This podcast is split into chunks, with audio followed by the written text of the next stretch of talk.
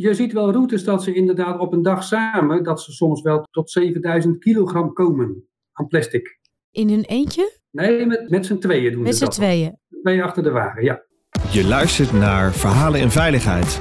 Deze podcast brengt verhalen over veiligheid samen met de mensen die het doen. Met wisselende onderwerpen. Verhalen vanuit de wetenschap, verhalen vanuit de praktijk, maar vooral verhalen die raken. Uw presentatrice is Orlie Polak. Welkom luisteraars, het is weer tijd voor een eh, mooie podcast. Ik heb in studio zitten Ad Vermaas. Hij is kamadviseur bij eh, Cyclus. Daarnaast is hij eh, hogere veiligheidskundige en heeft hij jarenlange ervaring in de afvalinzamelindustrie. Hij zet zich in voor het voorkomen van ongevallen en het welzijn op het werk. Vandaag praten wij over fysieke belasting. Een onderwerp dat tot veel ziekteverzuim in de afvalinzamelindustrie leidt. Ad, superleuk dat je hierover wilt komen praten. Welkom. Dankjewel. Dan ben ik natuurlijk meteen benieuwd. Welke trends zie jij? Welke trend ik zie? Ik zie een trend eh, vooruit en ik zie een trend achteruit. Ja, Ik zie een trend vooruit als het gaat om eh, het bewustzijn van veiligheid en eh, gezondheid in de afvalinzameling, waar ik met name in werkzaam ben. Maar soms zie je ook onder druk van allerlei ontwikkelingen in het land ook wel een stukje achteruitgang.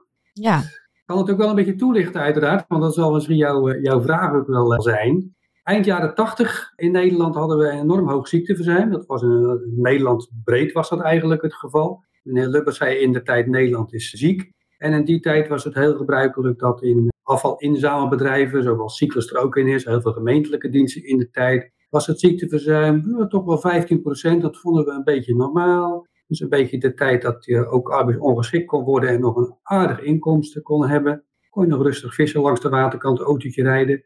Dat is allemaal een beetje verminderd. En om daar een beetje tegen de bestand te zijn in de afvalinzameling gingen we in de tijd over van het eh, inzamelen van afval met eh, zakjes. En die allemaal oprapen gingen we allemaal containers in het leven roepen. En gingen we mechaniseren.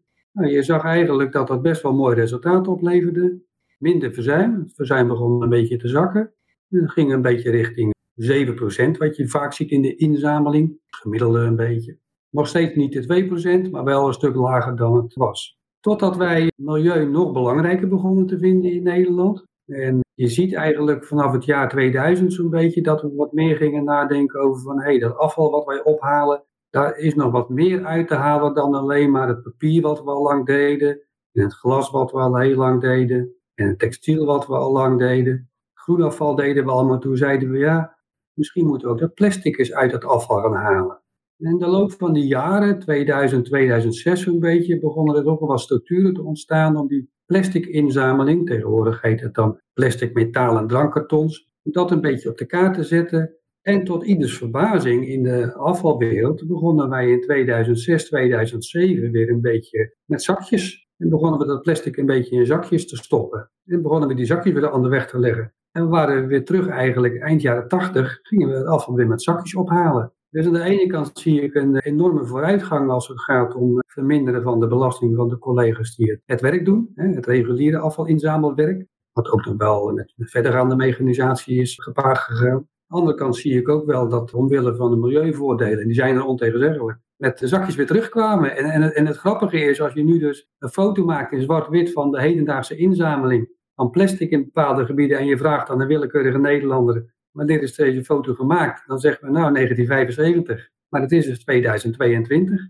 Dus ik zie twee bewegingen. en wat is het probleem met die zakjes? Die zijn toch heel licht? Ja, die zakjes die zijn op zich heel licht. Hè? Want we hebben ook eens wat onderzoek gedaan. Hoeveel wegen die nu gemiddeld? En dan zie je dat die zakjes gemiddeld... Die waren een aantal jaren geleden ongeveer 1 tot 1,5 kilogram. Toen deden we nog geen blikjes in die zakjes. Nou, sindsdien doen we ook blikjes in de zakjes. Je ziet nu de gemiddelde gewichten van die zakjes zo 2,5 kilo. Dat is niet zwaar. Maar als je dus dag door moet bukken, dan is de belasting van je lijf door je eigen gewicht, hè, je romp zal ik maar zeggen, is zodanig groot dat het toch een behoorlijke belasting is. En dat, dat leidt toch ook wel tot toename van het ziekteverzuim. Daarnaast is het zo dat die zakjes die zijn uh, verraderlijk licht. Dus inderdaad, in plaats van één zakje tegelijk worden er wel vier of zes, soms acht zakken tegelijkertijd gepakt. En die worden dan uh, heel uh, soepel in de wagen geslingerd. Ja, en als je dat dus met een hele hoge frequentie doet, dan heb ik het dus niet over 100 zakjes per dag of 200. Dan heb ik het over duizenden zakken per dag. Ja, als je dat gaat doen, dan, dan is het een behoorlijke belasting van de schouders, de ellebogen. En dat leidt ook wel tot dat soort blessures. Dus je ziet dus waar het op afstand allemaal erg licht lijkt. Het is wel de topsport op dit moment onder de, onder de afvalinzamelaars waar met zakken gewerkt. Ja. Geloof ik. Maar hoeveel zakken doen ze per dag? Zijn nou duizenden? Ja, duizenden. Daar moet je wel aan denken inderdaad. Duizenden zakken per dag. Ja. Dus als mannen en vrouwen, die gaan, die gaan s ochtends vroeg gaan ze hier ja, de straat op, zal ik maar zeggen, de wijk in. En die komen smiddags zo om vier uur zijn ze weer terug. En dan hebben ze inderdaad duizenden zakken hebben ze in handen gehad. En nou ja, de mens is natuurlijk van nature hyper efficiënt. Dus eh, dat zie je ook als we biertjes brengen naar het terras. Hé, hey, waarom zouden we één biertje tillen als, als we vijf pullen in allebei de handen kunnen dragen? Ik kan me zo voorstellen dat dat ook de sport is met de zakkies. Dat je denkt, hoe meer zakkies je kan, hoe meer macho ik ben. Ja, en dat is ook wel omdat ik dan nu zo'n jaartje of 25 in deze branche rondloop. Ik zag, zal ik maar zeggen, eind jaren 90 zag ik hè, wel die, die stoere mannen. Toen had je eigenlijk alleen maar mannen in deze wereld. Nu ook steeds meer dames in deze wereld. En dat waren inderdaad die stoere mannen die inderdaad vroeger die grijze vuilniszakken deden. Hè. Niet één per hand, ook niet twee, soms drie. Maar die stoere mannen die waren rond hun vijftigste jaar toch wel behoorlijk versleten in een aantal gevallen. Ja, en wat we nu eigenlijk zien is dat ook de relatief jongere mensen, het over eind 20, begin 30, dat die alweer blessures beginnen te vertonen. Nou, wat we natuurlijk uit het verleden moeten leren is dat we dat niet laten doorlopen totdat ze inderdaad definitief geblesseerd zijn en ja, vroegtijdig afgeschreven zijn, om het zo maar even plat te zeggen. Dat willen we voorkomen. En ik ben wel benieuwd, wat voor soort blessures zie jij door het bukken, het gooien, het tillen? Waar, waar moeten we aan denken? Ja, je moet dan toch denken aan overbelaste pezen, overbelaste schouders, ontstekingen, rugblessures, zeurende rugpijn zal ik maar zeggen. Het zit echt in het bewegingsapparaat. Dit. Daar moet je aan. Er zijn sommige mensen dan ook al op hele jonge leeftijd dat ze aangepast werk moeten krijgen? Je ziet wel jongeren die daar eigenlijk niet tegen bestand zijn, tegen dat tempo en inderdaad die omvang van de werkzaamheden. En dat je inderdaad toch wel zegt van ja, je moet eventjes een paar weken terugschakelen. En dan zetten we ze wel in op wat lichtere werkzaamheden. Dat zien we wel gebeuren. Ja. En het is natuurlijk heel lang in het vak. In Amstelveen hebben we trouwens geen zakken meer aan de, aan de paal hangen. Daar hadden ze zo'n ringetje omheen gedaan. Dan kon je al die zakken aanhangen. Ja. Wij hebben het allemaal in, uh, in van die kliko's, die, die kleine mini-containertjes. Ja. Is dat iets ook wat denk je verplicht zou moeten worden? Dat je gewoon uh, ook het plastic niet meer inzamelt via de zakken? Ja, verplichting is natuurlijk in Nederland altijd moeilijk. Hè? Want wij zijn natuurlijk een polderland bij, uh, bij uitstek. We proberen dit soort dingen altijd uh, tussen werkgevers en werknemers overeen te komen. Dat doen wij in de Stichting Arbo Catalogus Afvalbranche. Het is wel zo dat wat je zegt, hè, met die ringen werken aan lantaarnpalen, dat kan je ook voorstellen, hè, dan moet er minder gebukt worden. Nou, dat maakt al heel veel uit in de fysieke belasting. En als je overgaat naar mini-containers, dan wordt die belasting natuurlijk nog een stukje minder. En het leuke is eigenlijk dat als je dus met mini-containers gaat werken in plaats van met zakken, dat de inzamelhoeveelheid van het plastic, dus de hoeveelheid plastic die dus uit het restafval gehaald wordt, dat die zien de ogen toeneemt. Dus milieu en veiligheid gaan hier wel hand in hand. Het is wel zo dat het ophangen van die kroonringen, dat vergt natuurlijk ook wel medewerking van de gemeentelijke opdrachtgevers. We moeten daar natuurlijk ook allemaal dan aan meewerken. Nou, ook hier geldt, verplicht is een moeilijk woord in Nederland. Doen we goed overleg en daardoor kost het ook tijd. En mini-containers, dat is eigenlijk de beste oplossing, afgezien van de hoogbouw waar het gewoon niet werkt, maar zeker in praten met rijtjeswoningen, zal ik maar zeggen, losse woningen. Dat is mooi, maar één mini-container was nog wel te doen, twee mini-containers was wennen. En als je drie of vier mini-containers in de achtertuin gaat zetten, ja, dan wordt het bijna een milieupark. Dus dat is ook iets waar we natuurlijk wel aan moeten wennen in Nederland. Dus het zijn allemaal zaken die je vanuit veiligheid, gezondheid gezien liefst gisteren geregeld wilt hebben. Maar praktisch gezien, maatschappelijk gezien, is het wel een kwestie van lange adem. En je zei net al van ja, dat zijn initiatieven, verplicht is lastig en je bent altijd in gesprek met omgeving en eh, de branche. Welke initiatieven zie jij nu ontwikkelen voor die fysieke belasting? Ik kan me ook voorstellen dat die containers, die worden steeds voller. Ik heb daar natuurlijk ook wel, ik heb veel contacten met de afvalinzamelindustrie. En zij zeggen ook dat ook die belasting is toegenomen. Het duwen en trekken aan die overvolle containers. Daar zien zij ook uitdagingen. Maar mijn vraag is eigenlijk, welke initiatieven zie jij zich ontwikkelen in jouw branche en in de omgeving? Ja, er zijn eigenlijk twee ontwikkelingen. Aan de ene kant is de ontwikkeling van als je inderdaad zegt, ja, we willen toch met die zakken blijven werken om inderdaad die zakken dan maar op te hangen, zodat inderdaad die belasting wat minder is. Consequentie zal hoe dan ook zijn dat als je de mensen goed wil beschermen, en dat willen we allemaal, zowel opdrachtgevers als inzamelaars, zal ik maar zeggen, dat ook het prijsplaatje dan eh, een stukje anders zal worden, dat het toch wel duurder zal worden. om de mensen te beschermen. En verder zie ik wel verdergaande mechanisatie. En dan moet je enerzijds denken inderdaad aan mini-containers die ingezet worden, maar ook met name wel wijkverzamelcontainers. Met wijkverzamelcontainers heb je nog minder belasting, dan kan je dat met een kraan doen. Het nadeel daar weer van is, en dan zeg ik soms een beetje vooruit, soms een beetje achteruit. Het nadeel is eh, vanuit milieuaspect gezien dat hoe, hoe anoniemer de aanbieding wordt van het afval, hoe groter de vervuiling is. want als je zegt, ik doe, eh, ik doe plastic in een verzamelcontainer, dat doe ik gratis. En ik doe het groenafval in een container gratis en papier is gratis. Maar wat de grijze restafvalzak moet betaald worden elke keer als je de klep open doet van een ondergrondse container. Of elke keer als je de mini-container aanbiedt met grijze restafval, zit er een chipje in en dan wordt hij dus afgerekend. Ja, daar zijn mensen toch op twee manieren creatief. De ene creativiteit is dat de mensen allerlei niet-plastic zijnde toch in het plastic afval doen, omdat het gratis is. En het is zo, en dat wordt dan wel een beetje de obesitasbak genoemd in de afvalland, dat als mensen dus één keer in de acht weken hun grijze mini-container aan de deur zetten in plaats van één keer per twee weken, dat die inderdaad hartstikke zwaar is. Dus daar zie je eigenlijk ook weer dat spanningsveld, dat wankele evenwicht ook tussen milieu, kosten, veiligheid, gezondheid. Dat beweegt met elkaar. Het zijn communicerende vaten, laat ik het zo maar proberen duidelijk te maken. Nou, ik denk dat het ook wel interessant is dat je zegt dat zodra je die anonimiteit weghaalt en er een ingewikkeld betaalmodel zit, dat er toch mensen zijn ja, die daarop willen bezuinigen. Ja, dat gebeurt dus. En eh, daar zit aan de ene kant zit daarin inderdaad het willen bezuinigen. En daar zit ook wel een component in van dat niet iedereen nog zich bewust is van wat er met die afvalstoffen, grondstoffen, zoals we dat steeds vaker noemen, hè, zich bewust is van wat daarmee gebeurt. Dan zie je ook wel dat er bepaalde wijken zijn in Nederland waar het hartstikke goed gaat. Maar er zijn ook bepaalde wijken waar het minder goed gaat. En dat zie je ook een beetje terug in de, ja, de sociale stand, zal ik maar zeggen, van de wijk. Als je in wat achterstandswijken zit, hè, dan is het wat moeilijker dan in wat modernere wijken. Kijk, het is niet voor niets dat uh, grote steden als, als met name Rotterdam, die zeggen de gescheiden inzameling is best belangrijk. Maar de schone nette stad is zeker zo belangrijk. Dus wij doen die afvalscheiding niet aan de voorkant.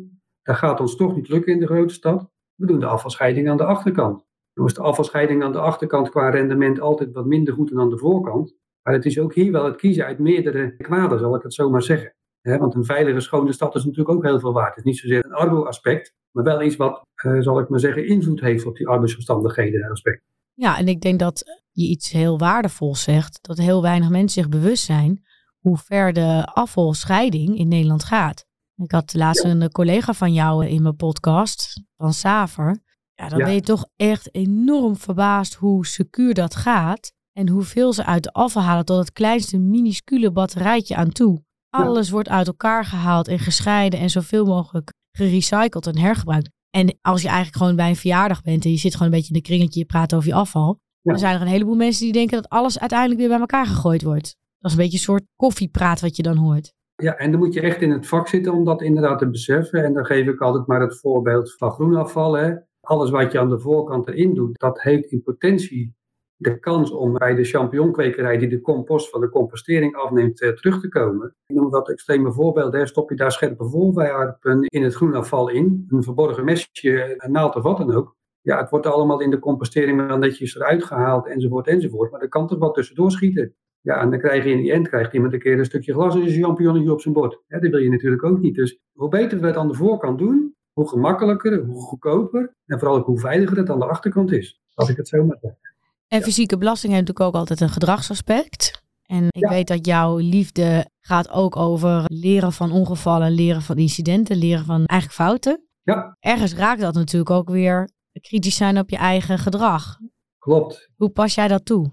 Wat wij altijd wel proberen te doen hier is, ons uitgangspunt is eigenlijk, het ligt aan de leraar, nooit aan de leerling. Dus wij proberen altijd met elkaar te kijken van, hey, je kan natuurlijk heel makkelijk zeggen, joh, dat doe je niet goed. het nadenken over wat maakt dat hij het niet goed doet. En dan een beetje wat dichter bij die, die kunststofinzamelingen in zakjes weer eh, te gaan. Hè. Ik heb net al een beetje aangegeven, mensen die moeten inderdaad die zakjes erin gooien. Nou, dat kan je op twee manieren doen eigenlijk twee, twee keer twee moet ik dan zeggen. Hè. Enerzijds eh, niet te veel zakken tegelijkertijd in de hand. Zo'n afvalinzamelwagen heeft een aantal veiligheden. En als je dit nou qua veiligheid goed wil doen, dan staat de klep aan de achterkant van die inzamelwagen staat omhoog. En dan kan die machine, daar zit allemaal hydrauliek in, die kan automatisch schept die dat plastic weg. En dan kan je dat erin blijven gooien. Dan gaat het automatisch. Dat is hartstikke veilig, maar dan moet je wel hoog erin gooien. Die klep kan je ook naar beneden zetten. Dat betekent dat je daar met je vingers tussen kan komen. Dan gooi je het gemakkelijker erin. Maar die klep is natuurlijk wel beveiligd. Dus je moet hem nou elke keer met de hand bedienen. Nou, je voelt wel aan,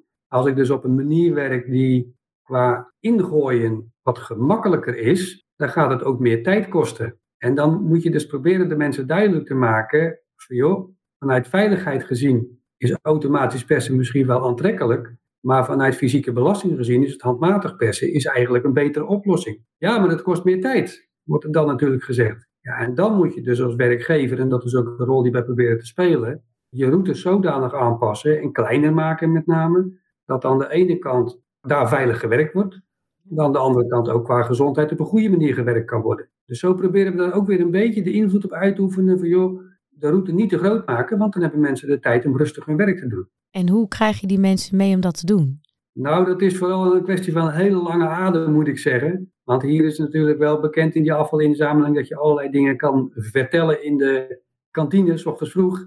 Maar zodra de, de, mannen en vrouwen de wijk in zijn, dan gaan ze toch, zal ik maar zeggen, doen wat zij gewoon zijn. Dus dat is toch wel een kwestie van lange adem. En het is wel zo, als je een aantal mensen hebt met blessures, zoals we nu dan hebben, ja, dat is dan toch nog steeds de beste waarschuwing. En die casussen die bespreek je dan met het team? Van joh, kijk eens naar wat Jan is overkomen.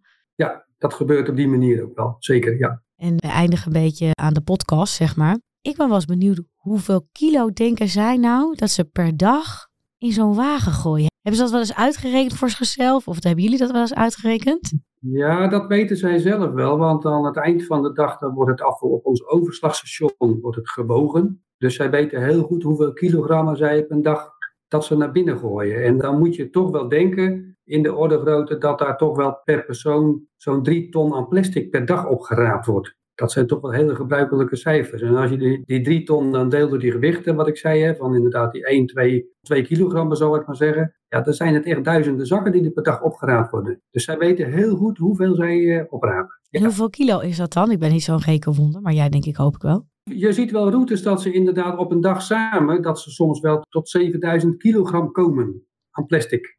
In hun eentje? Nee, met, met z'n tweeën doen Met ze z'n dat. tweeën? Twee achter de wagen, ja. Nou, dan hoef je dus Ja. niet meer naar de sportschool, begrijp ik. Ja, dat zou je dus verwachten. En dat heb ik dus ook wel gevraagd. En, maar er zijn dus wel wetenschappers. Ik, kijk, ik heb hoge veiligheidskunde, maar geen universitaire opleiding gedaan, bewegingsleer. Maar mensen die dat wel gedaan hebben, hebben ook recent er is een onderzoekje gedaan. Dat het gekke is, als je dus naar de sportschool gaat, dan kweek je dus inderdaad wel die spiermassa. Maar als je dit als vak doet, zal ik maar zeggen, dat heeft alles te maken met hoe dat dan, zal ik maar zeggen, werkt tussen je lijf en je hoofd. Dat dat niet op die manier die opbouw van spiermassa en je conditie geeft. Dus je bouwt wel wat op, maar je mag het niet vergelijken met de sportschool. Nee, ik, ik hoor dat je eigenlijk gewoon meer verslijt dan dat je opbouwt. Ja, je verslijt hier echt van, ja. Dank je wel voor deze mooie podcast. Graag Ja. gedaan. Ik heb een heleboel geleerd en ik hoop de luisteraar ook. Graag gedaan. En tot de En volgende keer. Tot de volgende keer. Dankjewel.